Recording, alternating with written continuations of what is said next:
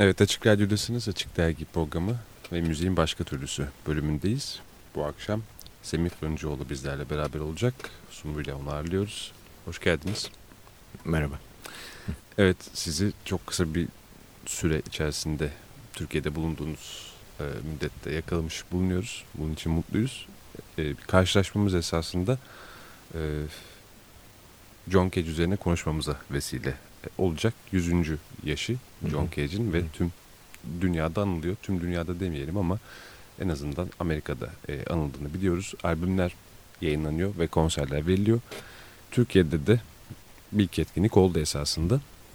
Radyo olarak da almış olsak da 100. yaşını e, sizinle esasında belki daha derinli John Cage konuşma imkanını bulacağız. Daha doğrusu siz bize John Cage anlatacaksınız da denilebilir bir yandan.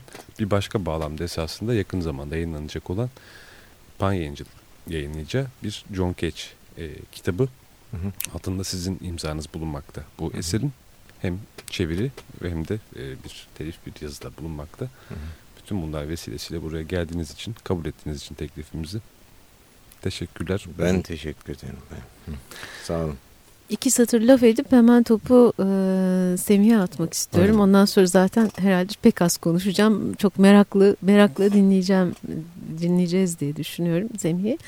E, Semih Fırıncıoğlu e, şu anda New York'ta ağırlıklı olarak yaşıyor da bir buraya geliyor. E, müzik insanı, tiyatro insanı, edebiyat insanı e, diyebilir miyim? Semih seni tanımlamak gerekse tanımlamaları sevmiyoruz ama neyse. Evet evet ben bende klinik tanım hastalığı var. Fobisi var yani. tamam tanımlayamadım peki o zaman. ama şöyle diyebilirim ki e, kendi adıma e, 75-80 arasında Boğaziçi'nde geçirdiğim dönemde e, Boğaziçi Üniversitesi'nde geçirdiğim dönemde e, her iki kulüpten mezun olurken yani tiyatro ve müzik kulübünde e, Semih gibi bir insanla e, çalışmış olmaktan çok çok mutluyum. Yani daha sonra esas yani bize neler ektiğini Semih'in o dönemde e, çok daha sonra çok daha iyi anlamaya başladım diyebilirim hatta yani. Hoş geldin Semih tekrar canım. Peki Sumrucuğum. Sus, susuyorum artık. evet, Keç kitabından bahsedebiliriz belki yayınlanacak dedik. Belki program yayınlandığında yayın, yayınlanmış bile olabilir. Neden Aa, Keç kitabı? Yani pan yayıncılık bana söyledikleri şimdi Eylül'ün ortasındayız. Ee, Ekim ortasında gibi çıkacak kitap. Bildiğim kadarıyla basılacak, Hı. piyasada olacak. Ee, kitap şöyle söyleyeyim çok oldu bana ısmarlayalı bu kitabı. Yani 10-15 yıl gibi uzun bir süre. Ben ilk başta çok hevesli başlamadım buna. Onu açıkça söyleyeyim. Çünkü Türkiye'de yani kim ilgilenir bilemiyordum. Ondan sonra buraya şimdi son yıllarda geldiğimde e, Mimar Sinan'ın modern dans bölümünde seminerler yapıyorum ben. Hı. Dansçıları orada Cage e, adı epeyce geçmeye başladı. Oradan biraz cesaret geldi bana. İşte aşağı yukarı bir buçuk yıl önce bu işi artık bitireyim diye girdim. Yani bir buçuk yıldır uğraşıyorum. Kitabı söyleyeyim size 14-15 e, kadar Cage'den e, aldığım yazılar var orada. Onları Türkçe'ye çevirdim. E, bir de bir kısa olsun diye başlayıp ondan sonra 80 sayfa süren bir giriş yazısı var başında. Hı. İşte bir bu yıl John Cage'in sizin de dediğiniz gibi 100. doğum yılı. Onun için e, Amerika'da değil yani bütün dünyada e, muazzam bir Cage e, konserleri, tanıtımları falan oluyor şu anda. E, biraz daha erken çıksaydı daha iyi olacaktı herhalde kitap ama böyle oldu işte. Yani Ekim ortası gibi çıkacak kitap. Geç olsun güç olmasın. Öyle olacak. Hı -hı. Evet 2012 ama burada başarı sayılır bu arada 2012'nin içinde çıkarmak o da. Ee, sağ ol. Ayrı mevzu. bu arada şey bir ümit gördünüz de o zaman. Hani Valla çocuklar basıldı. çok soruyorlardı. Yani anlatma anlat nedir falan diye. Şey söyleyeyim size ben e, aşağı yukarı ben 80'de New York'a gittim. Hala da orada oturuyorum. E, 82 gibi John Cage ile tanıştım. E, ve aynı mahallede oturuyorduk Hı. bir açıdan. E, ve şey yani Bakkalda benim... falan mı karşılaştınız yoksa evet, peşine evet, mi tabii, düştün tabii, yani? Tabii tabii bakkalda da de, ev, de, evlerde yakında falan. E, Cage'in bir özelliği vardı. E, genç ve müzikle ilgilenen hani aklının yattığı insanlara muazzam yardım ederdi Cage. Ben de onlardan biriyim. Yani özel bir şey değil. Bu yüzlerce kişiye yardım etti. Ben de yani 82'de buraya askerlik için dönmem gerekti. Hı hı.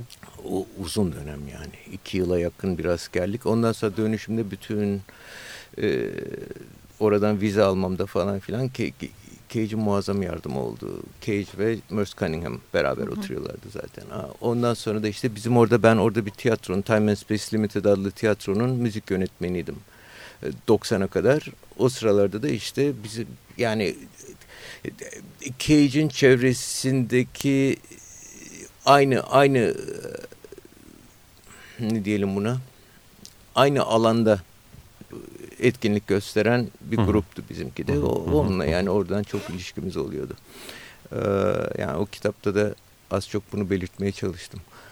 Ee, yani bakalım ne olacak kitabı. Yani kim ilgilenecek, ne kadar ilgilenecek merak ediyorum.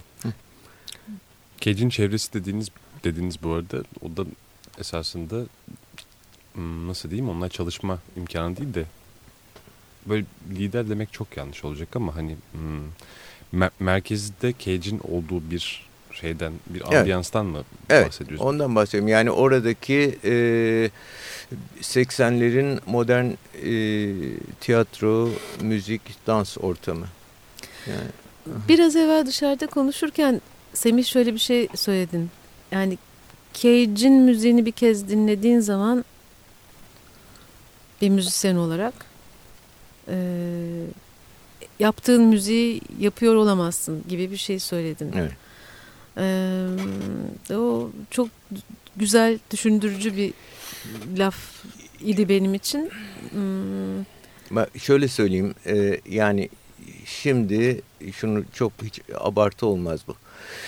E, 60 62 yıldır herhalde ortalama 62 yıldır e, modern müzikteki en etkili olmuş kişi John Cage'dir dersek bunun yani tartışılacak bir tarafı yok. E, sanatlarda genel olarak modern sanatlarda da etkili olmuş kişi diyen birçok insan var. Um, Cage'in şimdi özel, ya, ne kadar ayrıntıya gireyim bilmiyorum. Vakit durumunu da bilmiyorum kadar. burada. Gireyim mi ayrıntılara?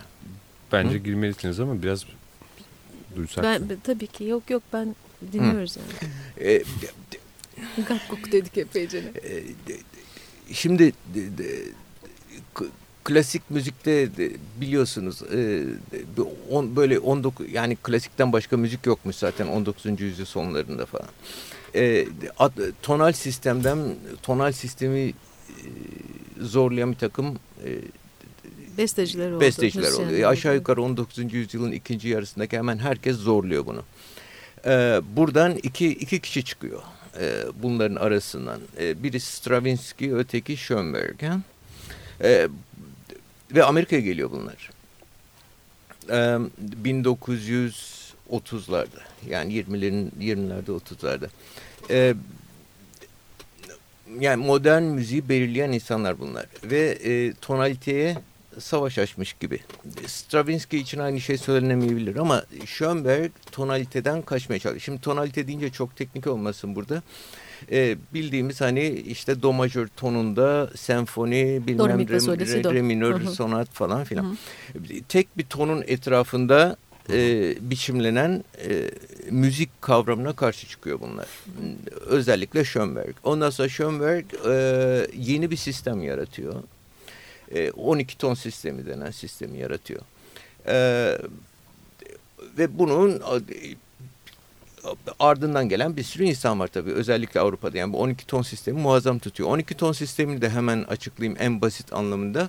E, Schönberg'in sisteminde e, işte bildiğimiz şu do, do diyez, re, re diyez, mi, fa yani 12 tonun her birinin aynı e, güçte e, hiçbir tonun ötekinin önüne geçmeyeceği diziler kullanılması. Ve bu diziler bir takım kurallar var. Yani çok tuhaf kurallar aslında bunlar. Mesela bir diziyi besteci tespit ediyor. Hangi hangisinin arkasına ne gelecek ama 12 adet olması gerekiyor ve bu 12 notanın sırasıyla hepsi çalınmadan tekrarlanması yasak falan gibi böyle bir takım kurallar var.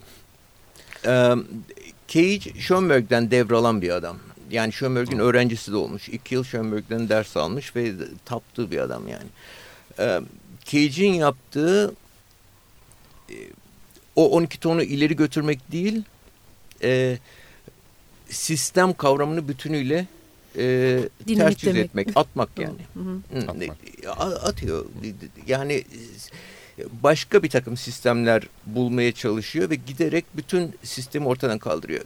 Sistem yerine disiplin denen dediği şey getiriyor. Yani bu burada şimdi anlatmak e, çok çok uzun sürecek şeyler. Bakınız kitap. Ve karıştırmayayım yani dinleyiciler de e, sıkılmasınlar. Ama e, şimdi burada eğer bir örnek çalmak istiyorsanız Hı, Cage'den e, Metamorphoz diye bir parçası var 1938'de yazdı. E, bu Schönberg'den etkilenip e, dizisel ve kontrpuan kullanarak normal piyano için yazdığı son parçası Cage'in ve birçok açıdan tanıdık da gelebilir. İlerisi için bir takım e, tuhaflıklar da fark edilebilir. Arz ederseniz dinleyelim. Dinleyelim.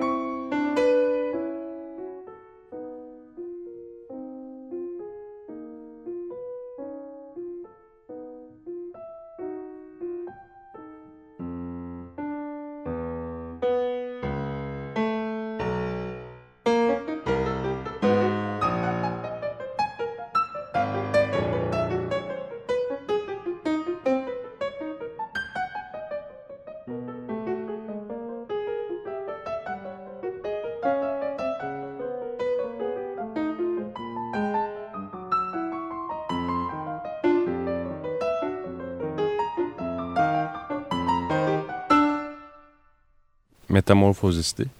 1938 Cage'in evet. ilk eserlerinden değil mi? Evet.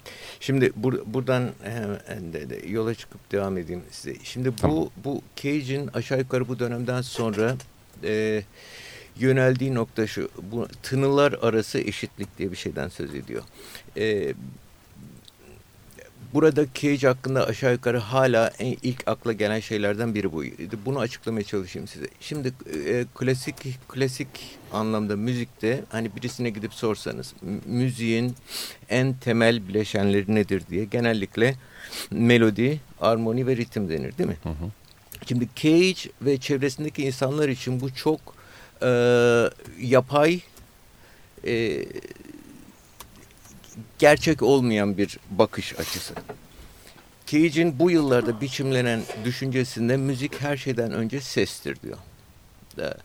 Ee, en temel olgu budur. Temeline bakarsan iyice derine indiğin zaman e, sestir. E, ses de dört öğeden oluşur. Hı? E, nedir bunlar? Perde, tını, e, süre ve gürlük. Hı hı e, tonal sistem perdeye dayalı bir olgu. E, ama gerçekte bu dört öğeden en önemli olan insan kulağı için en önemli olan tınıdır diyor. Çünkü de, dikkat et yani bir insan kulağı bir sesi duyduğu zaman ilk yaptığı, verdiği tepki bunun ne sesi olduğunu anlamak. İkincisi de ses zaman içinde yer alan ya da zaman oluşturan bir şeydir. O, ardından da sürenin gelmesi gerekir. Perde en önemsiz ögedir fakat hı hı. maalesef tonal sistem bu perdeyi e, öne almıştır. Ve perdeyi temel olarak bir, bir sistem oluşturmuştur diyor.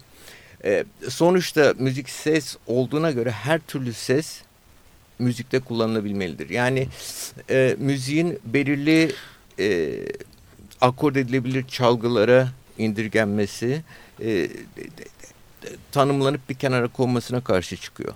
Hı. Ve bu 1935 civarlarında e, vurma e, vurmalılar için yazmaya başlıyor çoğunluk. E, ve bulduğu yani çok hiç o güne kadar e, akla bile gelmeyecek şeyleri müzik ve konserler veriyorlar. Yani de, tenekeden tencereye işte bilmem kemikten şeye kadar ne bulurlarsa bunlarla de, de, buldukları şeylerle e, vurmalı çalgı müzikleri. Ondan sonra giderek 1940'da e, tesadüfen e, meşhur meşhur meşhur hazırlanmış piyano kavramını buluyor. Hazırlanmış piyano İngilizcesi prepared piano denen şey. Hazırlanmış piyano bir kuyruklu piyanonun tellerin arasına e, e, vidalar, e, çiviler, plastik, keçe falan gibi şeyler sıkıştırarak her tuş için ayrı vurmalıya daha yaklaştıran bir renk bulma meselesi, tını bulma. E, bu olağanüstü bir etki yapıyor. Yani kendi başına hazırlanmış piyano bir enstrüman oluyor e, Cage'in aşağı yukarı 60 parçası var vurmalı için yazdığı. E, bunun yanı sıra e, örneğin fonograf o zamanlardaki ha e, pick-up diyoruz değil mi bunları diyeceğine. Mesela pick-up'ı e, ki kayıt teknolojileri çok ilkel durumda sadece plak var ortada bir de radyo var teknoloji olarak. Radyoyu ve fonografı bir çalgı olarak kullanma düşüncesi geliyor aklına. Yani orkestrada bir enstrüman olarak radyoyu kullanmak. Örneğin o anda ne, ne ses geliyorsa o çıkacak radyodan ve ona göre bir nota yazıyor. E, ya da plak. Mesela bu, bu de, de, isterseniz bunu da dinletebiliriz. E, Biraz bu evet. radyo ve fonografı kullandığı ilk parça e, Credo in Us. Çok ünlüdür. Aa, 1942'de tamam. yazdığı bir parça. E, burada ne kullanıyor? İki vurmalı bir piyano, bir de radyo ve fonograf kullanan bir müzisyen. Fakat notasyonu var bunun yani. Radyoyu hangi noktada ne kadar açacağı müzisyenin, hı hı. E, hangi istasyona, hangi hı hı. dereceye kadar getireceği vesaire bunlar hı hı. notada belirtiliyor. Hı hı. Arzu ederseniz kısa bir şey girişini çalabilirsiniz bunu. Tamam dinleyelim hadi. İlk bölümün sonunda onu dinleyelim. Sonra bence böyle devam etmek gayet makul esasında. Hani dönemi de iyi. Belki biraz daha iyi ulaşabilmek için sizin de onu tanıdığınız e, döneme kronolojik seyir önemli.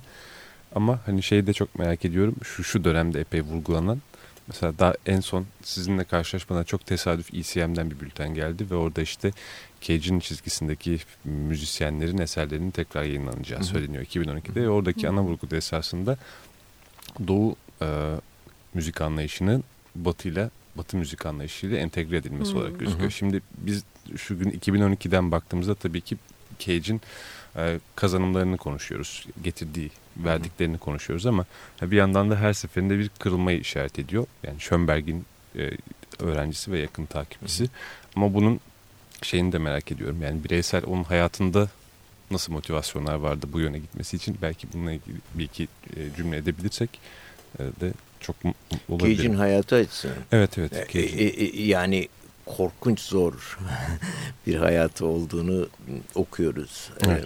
Yani neredeyse 1965'e kadar korkunç parasız ve Tam da o yüzden soruyorum. Şimdi mesela aklımda şöyle bir şey var. Mesela Hı hı. aklıma Jackson Pollock geliyor. Hani Hı. o dönemin mesela Amerika'sının güya ideolojisinin Hı. temsilcisi filan hani sistem Hı. tarafından da belki desteklenen filan gibi böyle bir takım efsaneler var ya dönem için uydurulmuş Hmm, filan. Baktığınızda hani o dönem 40'lardan bahsediyorsunuz 50'lerden giderek esasında 60'lara doğru giden Hı hı. yerde. Cage sanki bir yandan dünyanın da şeyini böyle ruhunu da kokluyormuş gibi bir Hı hı. yandan ama doğru. tam Doğru. da o kadar refah içinde yaşadığı da söylenemez. Yo yo yo Hi- yani e, korkunç bir inat var bu adamda. Yani Evet. bu Belki bir parça dinleyelim. Radyo için demiştik az önce. Credo. Inas. Credo Inas. Evet. Ufak bir molamız olsun sonra bu temayla devam edebiliriz belki.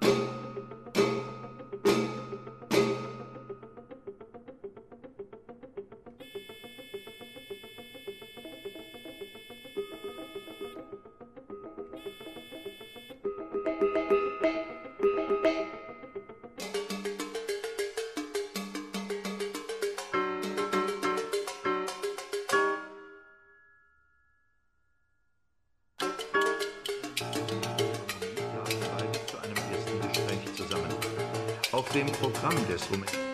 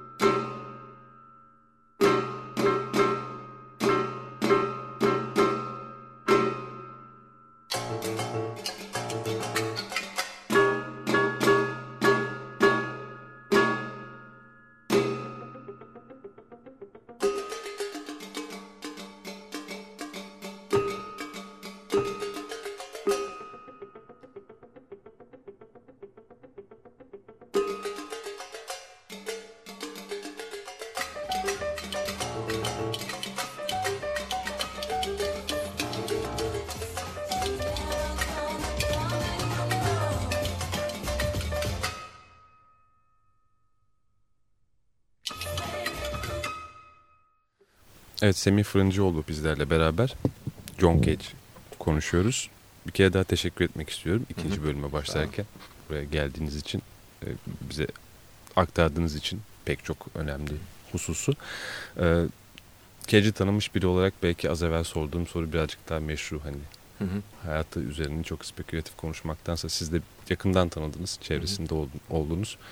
Belki onun sanatçı kimliğinin yanı sıra bu, bununla da beraber tabii ki çok ayrı gittiğini düşünmüyorum. Çektiği zorluklar demiştik esasında. Yani devrimciliğinden bahsediyoruz ama her şeyin bir, hmm, karşılığı da var hayatta. İyi ve Evet. kötü olmak üzere. E, ş- şöyle söyleyeyim, e, şey e, birazcık hafif çıkayım yoldan ondan sonra tekrar Tamam. döneyim. E, şimdi ne kadar oldu? Galiba bir buçuk ay önce İlhan Mimaroğlu'nu kaybettik. E, İlhan Mimaroğlu e, şöyle diyebilirim, e, Cage ve çevresi ya da döneminin belki şöyle söylenebilir. Yani 1920'lerde 30'larda doğmuş, New York civarında yerleşmiş e, modern besteci grubunun son üyelerinden biriydi. E, Cage ile aralarında e, kişi, kişilik olarak çok farklı kişiler ama bir takım özellikler var. Bu bütün bu e, kesimin e, hepsi için söyleyebileceğimiz bir takım şeyler var. Bunlardan birisi e, ya, ya da en önemlisi bu kuşakta e, şöyle bir şey olduğunu söyleyebilirim. E, Bariz bariz olanın görülmesinin gizli olandan daha zor olduğuna inanan bir ekip bu. E, ve bütün yaşamlarını bariz olanı görmeye adamış insanlar. E, açık olanı görmeye adamış insanlar. E, ve bunu söyleyecek kadar etrafa duyuracak kadar yani bir, bir açıdan kralın çıplak olduğunu görmeye ve söylemeye cesareti olan insanlar diyebiliriz. Cage bu ekibin elebaşısı durumundaydı. Yani kaynak her zaman için gidip gidip Cage'e dayanıyor. Şimdi biraz önce söylediğim gibi örneğin e, müzik öncelikle sestir dendiği zaman e, müzik ekolleri arasındaki e, bu yapay e, bölümlenmeler falan filan bütünüyle e, d- d- sıfırlanıyor. Hı hı. E, bu şey de yani örneğin Avrupa müziği e, yüzyıllarca de- de- kendini bütün dünyadan soyutlamış ve kendi kendine bir takım sistemler, kurallar yaratmış ve müzik budur deyip buradan devam etmiş. Peki dünyanın geriye kalan insanları ne oluyor bu arada? Yani e, armoni, melodi ve ritim olmazsa müzik olmaz dediğin anda peki Afrika'daki adamın armoni kullanmayan adamın müziği müzik değil mi? Çünkü oradaki insan da müzikten e, Avrupa'daki insan nasıl etkileniyorsa öyle etkileniyor. Yani ya ağlıyor ya seviniyor ya oynuyor falan ama yani aynı etkiyi yaratıyor. E, Hindistan'daki müzik neden müzik sayılmıyor? E, birden bu olaylar ortaya geliyor. Bu kavramları atıyor ortaya. E, ikinci bir özelliği yine bu kuşağın e, topluma yarar konusu bu insanlar için çok önemli.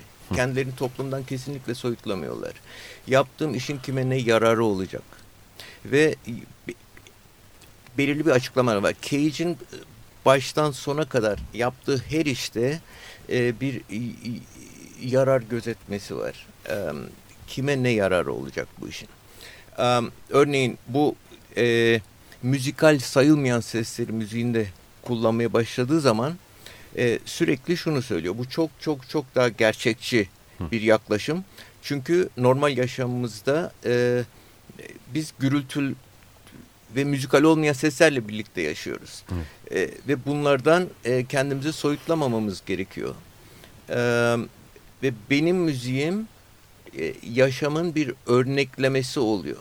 Mesela şöyle bir laf var. Yani benim müziğime gelen insan, benim konserime gelen insan gürültü dinlediğini düşünür. Ama salondan çıktığı zaman birden harikulade bir müzik e, ortamında yaşadığını fark edecektir ve yaşamı daha takdir edebilecektir, daha açılacaktır. Ta, ta, o yıllardan başlayıp sonra hayatın sonuna kadar e, bir, bir, bir, bir faydacı ve yarar sağlama, yararlı Evet. olma e, endişesi var. Mesela aynı şeyi İlhan Bey için de söyleyebilirim. Evet. E, ömrü boyu bunu şey yaptı. E, e, ve yine korkusuzca e, bariz olana işaret etme bu, bu kişilerde. De Size bir örnek vereyim. Örneğin me- mesela İlhan Bey yani kendisinden burada anmak istiyorum. Yani çok önemli bir insandı birçok açıdan. E, e, tam bunların hepsinde tabii çok çocuksu bir taraf var. Yani bunların be- besteci bildiğimiz hani yazdım eserimi getirdim bakın hı. ne güzel bir şey yaptı falan değil. Bunlar e, deneysel insanlardı. Yani sürekli bir o oyun oynayan insanlardı ve sürekli kafaları e, bir şeylerle çalışan insanlar. Örneğin İlhan Bey birinde bana gelmişti. Hiç durup dururken yani evlerine gitmiştim yemek yemeye. Kapıda beni karşıladı anda dedi ki e, Miles Davis biliyorsun trompet çalmayı bilmiyor. Onun için bu kadar ilginç bir adam. Niye dedim adam dedi bilmiyor yani bu bu Miles Davis hakikaten birçoğuna oranla çok kötü bir trompetçi çalamıyor ama e, Başka şeyler keşfediyor şey, o sayede müzikle ilgili. Ha, ama adamı izlemek çok daha enteresan veya dinlemek çok daha ilginç. Çünkü adamın teatral bir tarafı çıkıyor. Adam bunu nasıl çalıyor diye zorluya zorluya çalıyor falan. Bir de çevresine çok çok iyi çalgısını çok iyi çalan insanlar diziyor. Aradaki kontrast birden Miles Davis'in e, estetiği oluyor.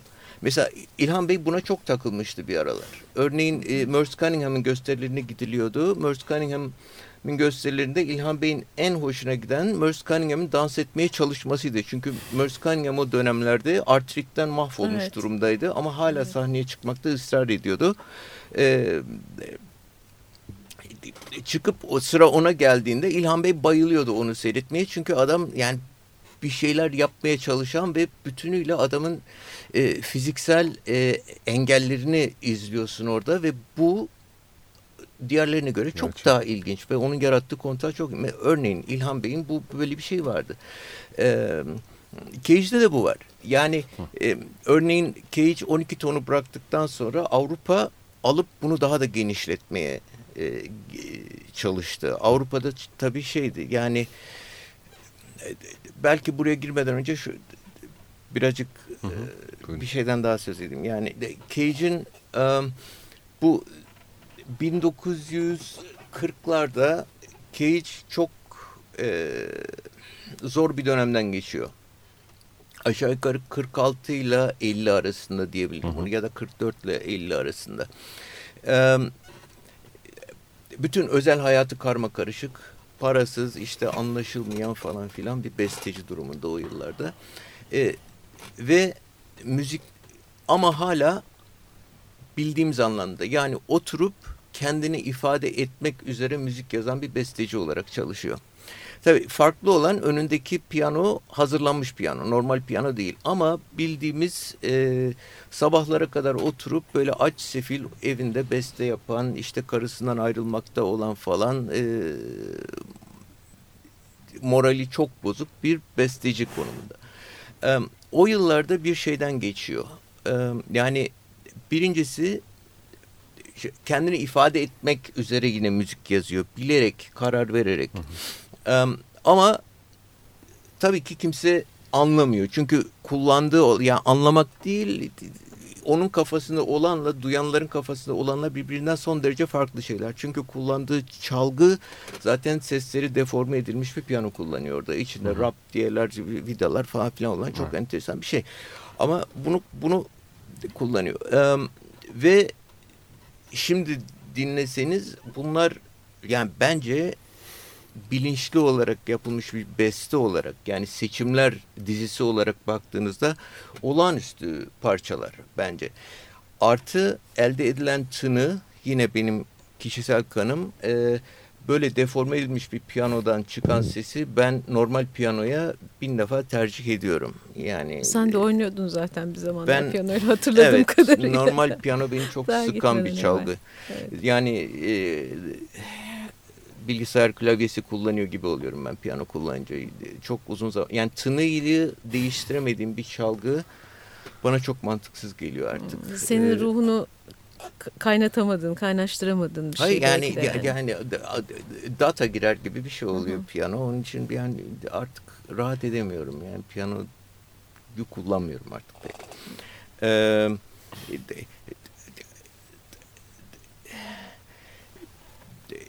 Cage'in e, o dönemin sonlarına doğru, bu sözün ettiğim 40'ların sonlarına doğru Hı hı. Cage'de bir aydınlanma olmaya başlıyor. Aydınlanmada da Doğu felsefesinden etkileniyor. Çok büyük ölçüde. Ee, Doğu felsefesinde gördüğü bunun bir parça şeyin uzantısı gibi. Yani e, müziğin temelde ses olduğu ve her türlü tınının sese malzeme edilebilmesi düşüncesi birden e, tersine dönüyor ve her türlü ses müziktire dönüyor. Tekrar edeyim yani müzik sestir e, gidip ses de müziktire dönüşüyor. Hı hı. Bu bir. İkincisi e, e, besteleme ve kendini müzikle ifade etme son derece saçmalaşmaya başlıyor Cage'in kafasında. Çünkü şu e, e, söylediği müzikte müzik dil değil. Müziğin leksikal, e, sözlüksel bir e, tarafı yok. Bu ifade tamamen uydurma bir şey. Ve diğer günlük hayattaki başka terimlerle falan müziği anlandırıyoruz, ad- e, anlamlandırıyoruz zaten. Yani ne diyoruz işte şey e, bu müziğin tadı deniyor değil mi? Yemekten çok söz ediliyor müzikten konuşulurken. E, ya da işte de, fiziksel bir takım olaylarla algılıyoruz. Aslında bir sesin herhangi bir anlam taşıması diye bir şey yok. Sesin sözlüğü yok. Hı? E, nasıl peki etkiliyor müzik ya da ne, ne- ne- dinleyenle aradaki ilişki nedir? Bu tamamıyla e, çağrışımlar e, kanalıyla oluyor. Yani insanların kafasında e, o sesle özdeşleştirdikleri bir takım ortamlar e, Tablolar, var ve belirli bir mood yaratıyor müzik. Değil mi? E, ve bununla e, müzikten etkileniyor. Eğer hüzünleniliyorsa falan seste hüzün diye bir şey yok. O senin kendi hüznün yani kendi e, ağlıyorsan müziği duyduğunda aslında senin bir sorunun var ona ağlıyorsun. Müziğe ağlamıyorsun. Müzik seni ağlatmıyor. Ya da içinde bulunan e, çe- çevre o andaki ortamın etkisi falan. E, sonuçta Cage kendini de- şey e, yani bildiğimiz anlamda beste yapmak, oturup şu sesin ardından şu gelsin, bu gelsin, bu gelsin olayı Cage için son derece anlamsız bir şekilde al- almaya başlıyor ve 1950'de rastgele rastgele lafı müzik yazmayı rastlantıya bırakmaya karar veriyor. Bir deneme yapıyor. Dur. Or Hı. oradan önce acaba bu çünkü bir, bir- bayağı bir e, başka bir Hı hı, chapter, bir, hı hı. bir bölüm bence. E, ondan evvel acaba hazırlanmış piyano için bir şeyleri, bir kayıtlar getirmiştin galiba. Oradan ufak bir şey dinleyelim ve bir nefes de almış olalım mı Peki. o arada? Olur mu? O zaman Sonatas and Interludes diye Tamam. hala Cage'in e, her türlü müzik çevresinde e, başyapıtı sayılan uzun bir parçası vardır. Hazırlanmış piyano için yazmış bunu. Bunun birinci bölümü Tamam. var. Bunun yazdığı yıl 1946-48 arasında. E, bu bildiğimiz anlamda e, bestelenmiş bir parça. Yani Evet. oturup Yazdığı şunun parça, ardından tamam. bu gelirse Tamam, iyi demin olur diye gibi. Hı hı. bilinçli olarak yazdığı e, aşağı yukarı en son parçalardan biri ve de en büyük yapıtı sayılır klasik müzik çevrelerinde Evet. falan. Ondan bir bir miktar dinleyeceğiz galiba. Bütününü dinlemeyeceğiz.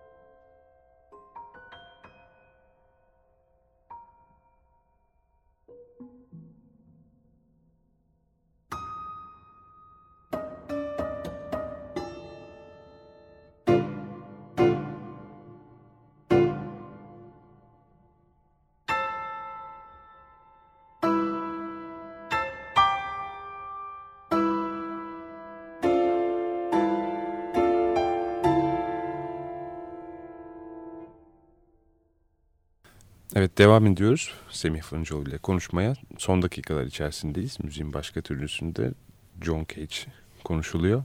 Hmm, bir şey olacak, istisna olacak. Programı yarım saat daha uzatacağız. Evet gelecek hafta. Ama gelecek hafta evet. Evet. 5 dakika sonra bitecek ama Cage hakkında söyleyecekler daha var. Evet. Gördüğümüz kadarıyla. Hatta çok daha uzun da sürebilirdi. Son e, birkaç dakika esasında e, rastlantı demiştiniz. Hı hı, hı Bilmiyorum çok mu hani şey olacak kısa Yo, yo, sürede. herhalde bu, bu de, de, de, kısaca toparlayabilirim bunu. Cage'in düşündüğü şu 1950 civarında e, de- müziği beste besteleme işlemini değiştirmeye karar veriyor ve işi Hı hı. rastlantıya bırakmaya karar veriyor. Burada e, buradaki ilkesi şu. E, o sırada Doğu felsefesi özellikle ağırlıklı olarak e, sanatın doğanın işleyiş biçimini taklit etmesi gerektiği diye bir düşünce giriyor aklına. Bu Kumuraswamy diye bir adamın e, aslında çok eskilerden gelen bir düşünce var. E, Saint Thomas Aquinas, Türkçesi farklı onun biliyorum ama bilmiyorum. Akinalı To- Thomas. Akinalı Thomas, tamam. E, ondan gelen e, bir söz bu. Sanat e, doğanın işleyiş biçimini taklit eder diye bir şey. E, Cage buna takılıyor ve çıkışı da buradan oluyor. E, ve bütünüyle bestecinin kendi deyimiyle egosunu, beğenisini ve hoşlanıp hoşlanmadıklarını devre dışı bırakmasını denemeye karar veriyor. Ve sonuçtan çok memnun kalıyor. Ondan sonra bunu ilk başlarda bu rastlantı işlemini bir takım ilkel yollardan yapıyor. Yani rastlantıyla seçme işini.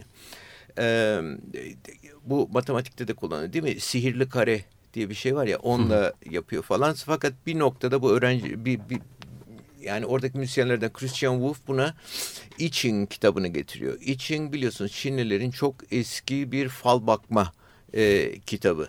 Orada üç para oluyor. O üç parayı yazı tura atar gibi atıyorsun. Onların kombinasyonlarıyla galiba altı kez atılıyor. 64 heksagramdan oluşan bir tablo var. Ee, orada işaretleyerek falan bir seçim yapıyorsun. O kitap aslında fal bakma dediğin orada o yazı turaları attıktan sonra çıkan heksagramın karşılığı olan bir metin var. Onu okuyorsun o senin falın oluyor. Cage fal tarafıyla ilgilenmiyor. Bir bilgisayar gibi kullanıyor bu için olayını. Ve oradan e, notaların seçimlerini oradan yapmaya başlıyor. Ama ilk başladığı yıllarda e, tabii bu olağanüstü e, çalışma gerektiren bir şey. Yani emek gerektiren bir olay.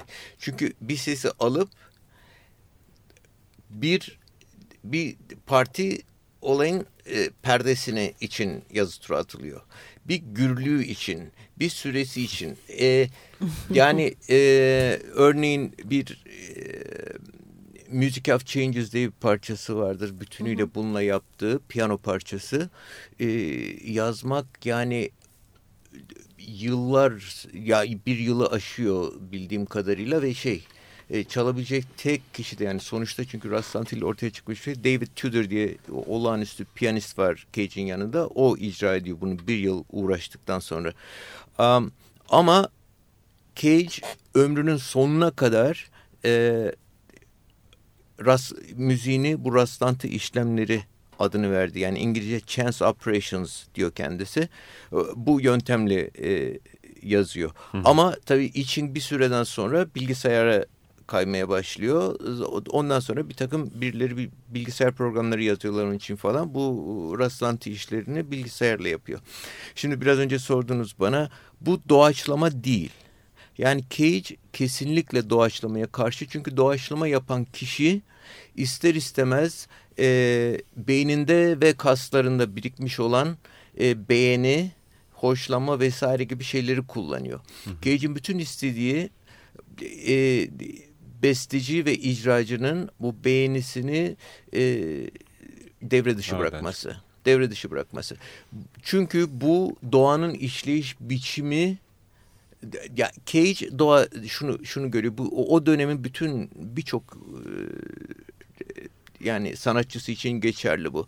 Ee, bir, bir kaos içinde yaşıyoruz ve kaosun işleyiş prensibi rastlantılarla oluşan bir şey. Yani doğada mantık yok. Eğer bir doğada bir amaç varsa bu temelde amaçsızlıktır diye bir şey var. E, sanat o güne kadar e, kaosa biçim vermeye ya da kaosu mantıklaştırma bir amaç yaratma amacıyla kullanılıyor diye bir anlayış vardı. Bunlar diyorlar ki bizim amacımız e, kaosa e, düzen getirmek değil, kaosa işaret etmektir. Ve bu büyük bir değişim oluyor. Özellikle 1961'de yani daha doğrusu 61'e gelmeden hmm, şunu söyleyeyim 1952'de tabii bunun çok meşhur 433 adlı hı hı. yapıtı e, bir devrim sayılıyor. Özellikle bütün bu görüşleri belirtmesi açısından. Yani doğada böyle bir düzen var ve biz bunu bir e, müzik olarak ya da bir sanat yapıtı olarak algılayabiliriz. Her an çevremizde olan şeyleri. Um, ama tabii doğaçlamayı hayatının sonuna kadar Cage kabul etmiyor. Bir noktada doğaçlamaya açılıyor sonradan hayatında. Orada da e, müzisyenin kullanacağı çalgıları çok kısa sürelerle değiştirme yoluna gidiyor. Yani bir adam eline bir çalgıyı alıp ona ısınmaya başladığı anda, rahatlamaya başladığı anda çalgıyı değiştirtiyor. O zaman doğaçlamayı kabul ediyor. Böyle bir şey yapılabilir diye. Ama onun dışında e, ne iste şu var tabii yani ne istediğini yap, aklına geleni, aklına eseni yapmak e, kesinlikle cage değil. Onu evet. belirtmek istiyorum. Evet Semih Fırıncıoğlu bizlerle beraber John Cage'in 100. yaş gününe denk gelen 2012 senesi içerisinde onu 5, yakaladık. 5 Eylül. 5 Eylül. Evet. evet çok da uzak değil aslında. evet, siz de İstanbul'dayken yakalayıverdik. Yani mümkün olduğu kadar zaman ekonomik kullanmaya çalışıyoruz. Neresinden hani ne koyabilsek yayına o ben kar diye düşünmekteyim. Pan yayıncılıktan Az evvel siz söylediğiniz Ekim ortasında yayınlanacak bir John Cage eseri de var. Onu da hatırlatalım. Ve haftaya? Evet haftaya söyleşimize devam ediyoruz. Devam ediyoruz. Çok, çok teşekkür, teşekkür ederiz. Hı, sağ olun. Çok teşekkür ederim ben de.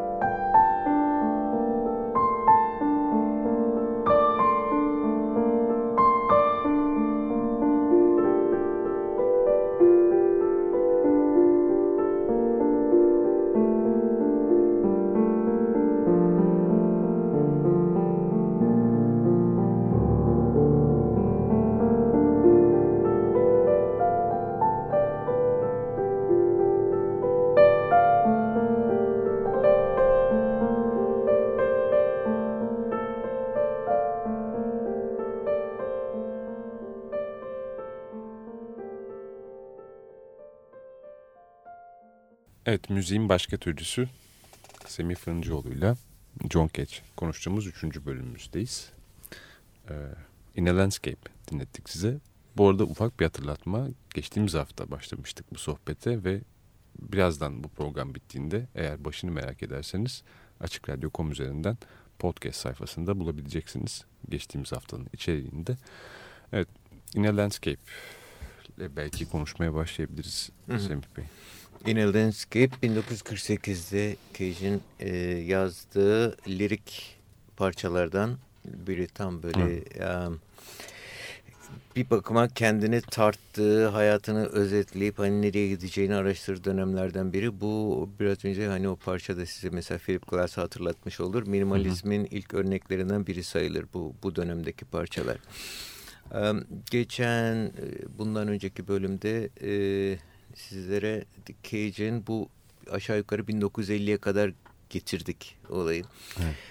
Ee, 1950-52 yılları Cage için olağanüstü bir dönem. Ee, ard arda her biri ötekinden daha etkili olan işler yapıyor. Bunların e, 52'nin yazında da yaptığı bu 433 adlı meşhur e, parça e, çok büyük bir olay oluyor. E, o parçayı anlatmamı yani çok basit bir şey tabii, tabii. parça. Bu bu e, Woodstock yakınlarında Maverick konser salonu diye bir yer var. E, hala kullanılıyor konserler için burası. E, ormanlık bir bölgede büyük bir ambar gibi bir yer burası. Orada Cage'in seçtiği parçalardan David Tudor'ın çalacağı bir e, bir piyano konseri e, gecesi oluyor. E, buna geliyorlar ard arda işte o sıralarda ultra modern denince hani piyanonun içindeki tellerin çekiştirildiği aperiodik aperiodik e, e, ritimli parçalar çalınıyor ard arda. O yılın işte en en adı duyulan gerçekten ultramodern denince ilk akla gelen parçalar. En sonunda Cage'in yanlışlıkla e, programa dört parça den, diye yazılmış e, parçasına geliyor sıra. Tudor geliyor, piyanoya oturuyor ve açık piyanonun kapağı. E, elinde bir kronometre tutuyor. Bir de notası var. E, boş e, boş ölçülerden oluşan bir nota. Ve e, kronometreye basıp e, ona basarken piyanonun kapağını kapatıyor. Ve şimdi tam hatırlamıyorum galiba 30 saniye bekliyor. 30 saniye dolunca kronometreyi durdurup kapağı tekrar açıyor. Yani hiçbir şey çalmamış olarak. Ondan sonra kapağı tekrar kapatırken yine kronometreye basıyor. 2 dakika 15 saniye gibi bir şey bekliyor. Ondan sonra 3 bölüm parça. Ee, sonunda da toplam 4 dakika 33 saniye sürüyor parça ve adı da bu. 4 dakika 33 saniye. Ee, ve muazzam bir e, yaygara kopuyor. Ee, yani e, artık bu kadarına tahammül edemeyiz gibisinden ki gelenlerin çoğu oradan o civarda oturan müzisyenler falan. Ee, ama o kadarcık ufacık bir yerde ufacık bir kitleye yapılan bu olay hala yani hangi müzik kitabını açsanız Stravinsky'nin Bahar Ayini'nden sonra yapılmış en... E, Cüretkar de, değil mi? E, de, yani en devrim sayılan e, konserdir bu ya da parçadır. E, bundan aşağı yukarı bir 10 yıl sonra yani 1961'de Silence adlı kitabı yayınlanıyor e, Cage'in. E, bu da yani şeyde ne birçok insan söylüyor bunu geçenlerde sanıyorum Steve Reich'ın bir şeyi vardı demeci vardı bir yerde o yıllarda e, ve 70'lerde e, bu kitabı e, okuyup da he, onunla hesaplaşmadan yoluna devam edebilen bir müzisyen ya da besteci olamazdı diye bir laf var. E, bu Silence yani bu kitap benim bu sözün ettiğimiz benim e, toparladığım kitapta da Silence'dan mümkün olan e, yazılardan 4-5 tane var içinde. Hı hı. E, yani Cage'in yaptığının aynını yapmak, devam etmek falan değil. Ama Cage'in öne attığı bir takım ilkelerden söz ediyoruz. E, bunları okuyup hesaplaşmadan yani herhalde hesaplaşmak kelimesi en doğrusu. Oradan nereye gideceğine karar verip gitmek. Ama Cage'i Cage'in özellikle bu Silence kitabı e, müzikle ya da genel olarak sanatlarla ilk uğraşan birisinin e, göz ardı edebileceği bir şey olmuyor. Yani bu orada bir temel taşı gibi oturuyor. Um,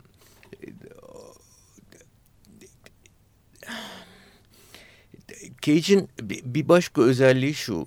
Ha, Cage'in ne de ne, şunu söylemek istiyorum. Neden bu kadar etkili oluyor Cage yaptıklarında? Um, birincisi şunu unutmamak gerek. Gage'in bence e, ortaya attığı en önemli düşünce müziğin algılanan bir şey olması. Yani merkeze algıyı koyuyor. Önemli olan dinleyendir, sunan değil. Şimdi size bir, bir, bir e, ufak bir anekdot anlatayım. De, yani benim başımdan geçen. Şimdi e, tam yerini hatırlamıyorum. Galiba Cooper Union'daydı. 85 civarında olması gerekir. Bir konser vardı. Cage'in parçalarını çalacaklar. Ben de gittim. Cage gelip önüme oturdu. Önümdeki sıraya oturdu. İşte oturdu orada bir, birileri geldi merhaba dediler falan filan. Ben de eğildim. Ne var ne yok falan iyi misin? Yani öyle selamlaştık. Ondan sonra o önüne döndü. Ben arkama yaslandım. Ondan sonra dönüp arkasına beni çağırdı. Yani yaklaş dedi. Bir cümle söyledi bana. Yani de, böyle bir huyu vardı adamın. Yani ders verir gibi böyle lap diye hani niye bunu söylediği pek anlaşılmayan. Dedi ki İngilizcesini söyleyeyim size önce. Ee, I don't wait for the bell to begin to watch dedi. Hı? De, yani hmm. de, izlemeye başlamak için zilin çalmasını beklemem dedi ben. Bu kadar sonra döndü önüne ben. Tabii orada ilk aklıma gelen adamı rahatsız ettim de hani falan. Evet. Ama çakıldı kaldı benim aklıma. Yani hala hayatımda herhangi bir gösteriye gitsem, herhangi bir konsere falan e, bunu unutmamak imkansız yani. E, çok olağanüstü bir laf yani bence. E, bütün bütün her şeyini de anlatıyor bir açıdan. Um, yani şu, şu, şu çok basit bir şey aslında. Aynı buradan yola çıkıp hani adamın söylediği şu. E, bildiğimiz mesela bir konser veriliyor dediğimiz zaman insanların kafasında olan nedir? Ya ki gidiyorlar, oturuyorlar bir yere ve müzisyenin çalmaya başladığı nokta konserin başlangıcı oluyor. Müzisyen bitirdiği zaman da konser bitti deniyor değil mi? Aslında söylediği bu değil. Aslında söylediği sen o müzisyenin orada yaptığı bir öneridir diyor. Benim şimdi bu yapacağımı sen bir konser olarak algılamanı öneriyorum ya da böyle bir çerçeve koymanı istiyorum. istiyorum Ama sen hayır istemiyorum kusura bakma dediğin anda o adam orada isterse 40 yıl çalsın sahnede o bir konser olmuyor. Yani burada bütün olay gelip dinleyenin ya da izleyenin algısına dayanmış oluyor. İsteyen istediği zaman salona adımını attığı anda dinlemeye başlayabilir ve o adamlar çalmaya başlamadan önce salona duyulan sesleri de o konserin bir parçası olarak sayabilir. Konser sırasında salonda çıkan sesleri de bir bütün olarak algılayabilir. Yani e, devr volüm nerede açıp nerede kapattığına evet. bağlı dinleyenin. Ve herkes her şeyi istediği gibi algılayabilir. Yani zaten de böyle oluyor. Bir insanın bir müzikten ya da herhangi bir e, şeyden a, algısı ötekine göre evet, çok farklı evet. oluyor. Çünkü kendi birikimlerine dayanıyor. E, Cage'in vurguladığı o en önemli şeylerden biri. Yani mesela Cage evet. kalkıp bir noktada insanları toplayıp bir tarafa götürüp hani bir kırsal alanda şimdi konser 8'de 9'a kadar sürecektir deyip ondan sonra bir kenara geçip oturuyordu mesela. orada o kadar yani orada o seyrediyorsun sonra otobüslere binip dönüyorsun falan. Ee, e, bir soracağınız falan var mı bilmiyorum. Soracağımız Yok, bunun değil üstüne de... nasıl parça dinlenir evet, onu merak ben de ediyorum. Onu düşünüyordum. hani iyi ve kötü anlamda. nasıl? Şimdi şu andan bahsediyorsun. Evet, evet, evet. evet tamam. bir yandan bir şey e, duyma ihtiyacı duyuyor insan John Cage'in herhangi bir bestesi ama gerçekten sonunda parça konvansiyonuna yaklaşmakta o zaman acı gelecek açıkçası. Roratorio denen e, kaçtır 1979'da yazdığı büyük bir radyo parçası var. Oradan isterseniz bir iki dakika bir şeyler dinlensin. Dinleyelim. Ondan sonra onun nasıl yapıldığını anlatayım. Tamam. Bir, tam adı nedir parçanın? Roratorio. Roratorio. Tam adı İngilizce Roratorio An Irish Circus on Finnegan's Wake. Hı. Tamam şahane. James Joyce'un. Finnegan's Wake.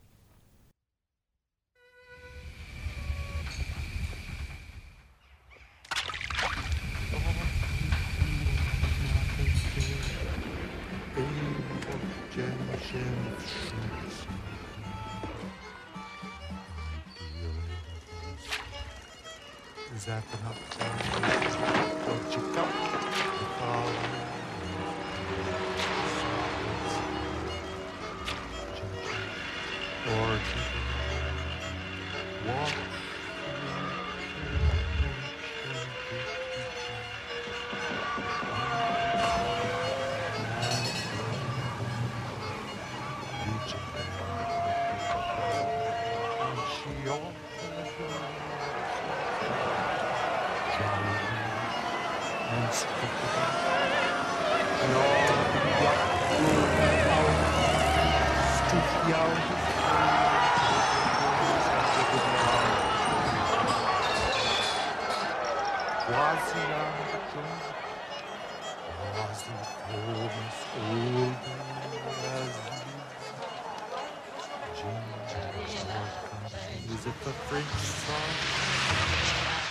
is the grandma. This is the outcome of the shock between the homes. This is their Lego home. Jimmy's is a rumor the deepest. To wear again, they.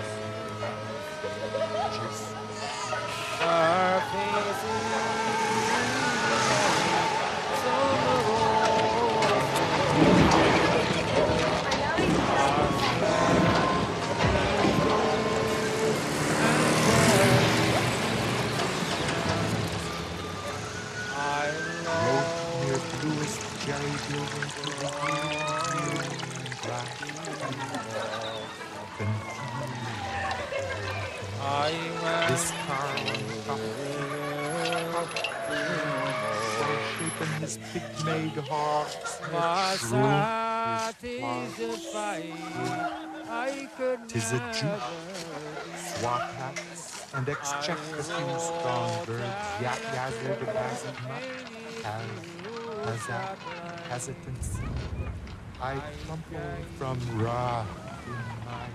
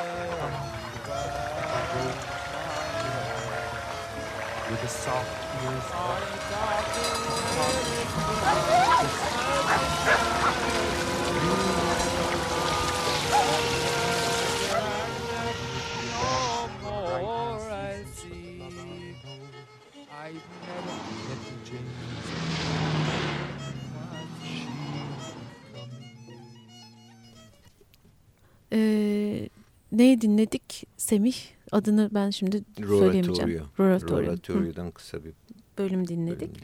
bölüm. Son bölümümüze geldik. Evet. Aslında e, çok da istemeye istemeye e, bitirmemiz gerekecek 5-6 dakika sonra.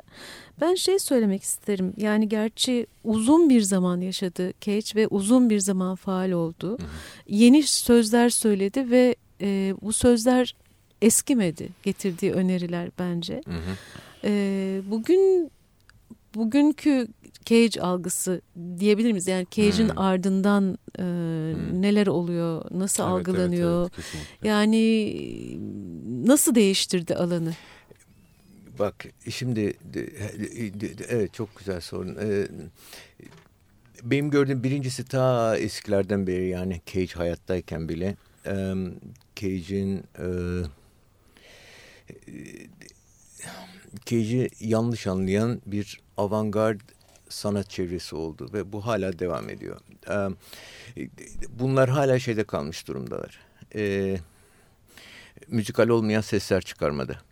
Yani e, Cage'in yaptığı işlerin arkasındaki prensip ya da ilkelerle e, pek ilgilenmiyorlar. Şimdi burada birincisi hiç yerinde durmamış bir adamdan söz ediyoruz. Yani bu adamın söylediği bir laf vardı. Yani eski düşüncelerden yani ben eski düşüncelerden korkuyorum. Yenilerini sürekli yaratmaya çalışıyorum ve benim en sevdiğim müziğim henüz duymamış olan müziğimdir işitmemiş olduğum müziğimdir diye. Ve sürekli değişiyor bu adam. Yani e, hayatının sonuna kadar bir yaptığını bir daha yapmayan bir adam. Şimdi kalkıp adamların adam 40'larda 50'lerde yaptığı bir şey hala tekrarlamak biraz aykırı yani tu tuhaf yani. geliyor. Evet yani Oraya bu devirde kalkıp da. bir kuruklu piyanonun tellerini çekiştirmek birilerinin karşısında bu, bu tuhaf bir olay. İkincisi Cage'in e, bu avantgardda hala 70'lerde 80'lerde korkunçtu bu da şun, şimdi hala var. E, seyirciyi şok etme ya da irkiltme ya da e, kızdırma falan gibi bir hiçbir kaygısı olmadı böyle. Um, bu bu yapılıyor. Yani o o tatsız bir olay. Um, adam bir, bir prensibi var altında. Yani bu prensibi biraz önce söyledim. Yani doğanın işleyiş biçimini taklit etmek falan. Yani belirli bir kompozisyon anlayışı var. Um, onun ötesinde sürekli bir yenilik var. Şimdi şunu biraz önce e, daha önce miydi ne zaman olan İlhan Bey ile bağlantı kurduğumda evet, bu insanlar deneysel e, bunlar gerçek anlamda deneysel e, düşünen insanlar. İlhan, Deneyselden İlhan Mimaroğlu diyelim. O, yani İlhan Mimaroğlu yüzde yüz diyemeyebiliriz ama e, bu bu ekip e, bunlar deneysel kişiler. Deneyselden kastımız şu. E, biliyorsunuz yani bir adam besteci, klasik anlamda besteci oturup bir beste yapıyor. Ha? En, en klasik anlamında. E, bu her türlü müzik olabilir. Ondan sonra getiriyor bu notayı al bak ben ne yaptım deyip birinin önüne koyuyor. Hı. E, burada nesini bu notanın takdir etmemiz bekleniyor. Yani adamın armoni bilgisi. Ondan sonra işte bazı şeyleri başkalarından daha iyi yaptığı şu bu falan filan. Ondan sonra birileri alıyor onu çalıyor. Yani bu klasik olay. Hı hı. Deneysel dediğimiz tam yani Cage'e yüzde yüz oturan şey ki bu adam yani hayatının her dakikası deneyseldir demek yanlış olmaz. Bak aklıma bir fikir geldi. Şöyle bir şey yaptım. Gel oturalım yan yana bakalım nasıl oldu.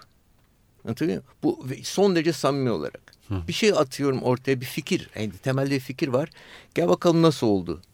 Ve oturuyorsun seyrediyorsun. Bazen oluyor bazen olmuyor. Yani de, o, o, onun o kendisi de farkında. Ve yanlış yaptığı zaman e, en en en iyi dersi yani ne yap bir sonra ya, ne yapacağını Hı. en iyi yanlış yaptığı Anladım. zaman e, anlayan bir kişi olduğunu söylüyor. Um, şimdi çok fazla zaman yok hemen e, bir şeyden söz edeyim de. Cage'in belirli şeyleri var. E, bütün bu koskocaman hayatında belirli bir takım e, dönüm noktaları var. E, ve bunlardan yeni bir takım fikir yani özetlemeye çalışsak birincisi daha önce söylediğim bu 4.33 konseridir. İkincisi bu Silence, Silence. kitabının çıkmasıdır. Ondan sonra um, Indeterminacy denen o büyük ve çok çok etkili olmuş olan e, kavramı atıyor ortaya. Buna e, ben kitapta belirlenmemişlik dedim. Daha iyi bir karşılık bulamadım indeterminacy'ye. Buradan kasıt şu. E, müzisyen müzisyeni notanın diktasından kurtarmak derdi. Yani müzisyene bir inisiyatif verme ya da bir rahatlama, bir özgürlük tanıma kaygısı. Bu aşağı yukarı e, 1957 gibi falan başlıyor Cage'in kariyerinde. E, şunu o güne kadar yaptı yani müziği rastlantıyla oluşturuyor kompozisyonu. Hı hı. Burası kesin. Ondan sonra bu kompozisyon bitmiş bir parça olarak bir müzisyenin karşısına gittiği anda bu klasik anlamda dikte kendini dikte ettiren bir nota şekline dönüşüyor. Bunu kırmaya kalkıyor Cage. Ve çok ünlü bir konuşması vardır. Maalesef o kadar zor yazılmış ve bir şey ki kitaba alamadım. Onu çok uğraşmama rağmen. E, Darmstadt konuşması vardır ve bu Darmstadt konuşması bu, bu e, belirlenmemişlik kavramını ortaya attığı e, şeydir. E, ve Amerikan modern müziğinin Avrupa'yı kesinlikle etkilediği, etkilemeye başladı ve Cage'in de Avrupa'daki en etkili olmuş Amerikalı besteci olma, müzisyen olma dönüm noktası sayılır o. Ee, orada e,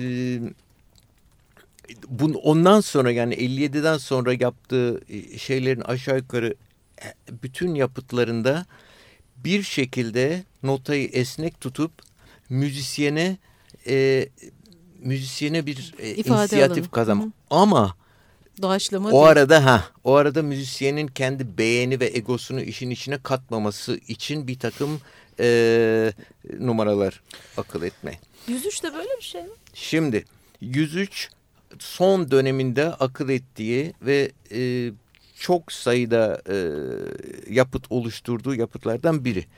103 103 müzisyen demek.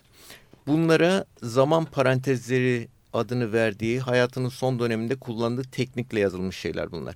Burada yapılan şu. Her çalgının, her çalgıcının önünde söz gelimi 10 notadan oluşan bir nota var. Notalar tek notalar. Armonik olabiliyor ya da düz nota olabiliyor. Bunların notanın sol üst tarafında diyor ki kronometrene bak.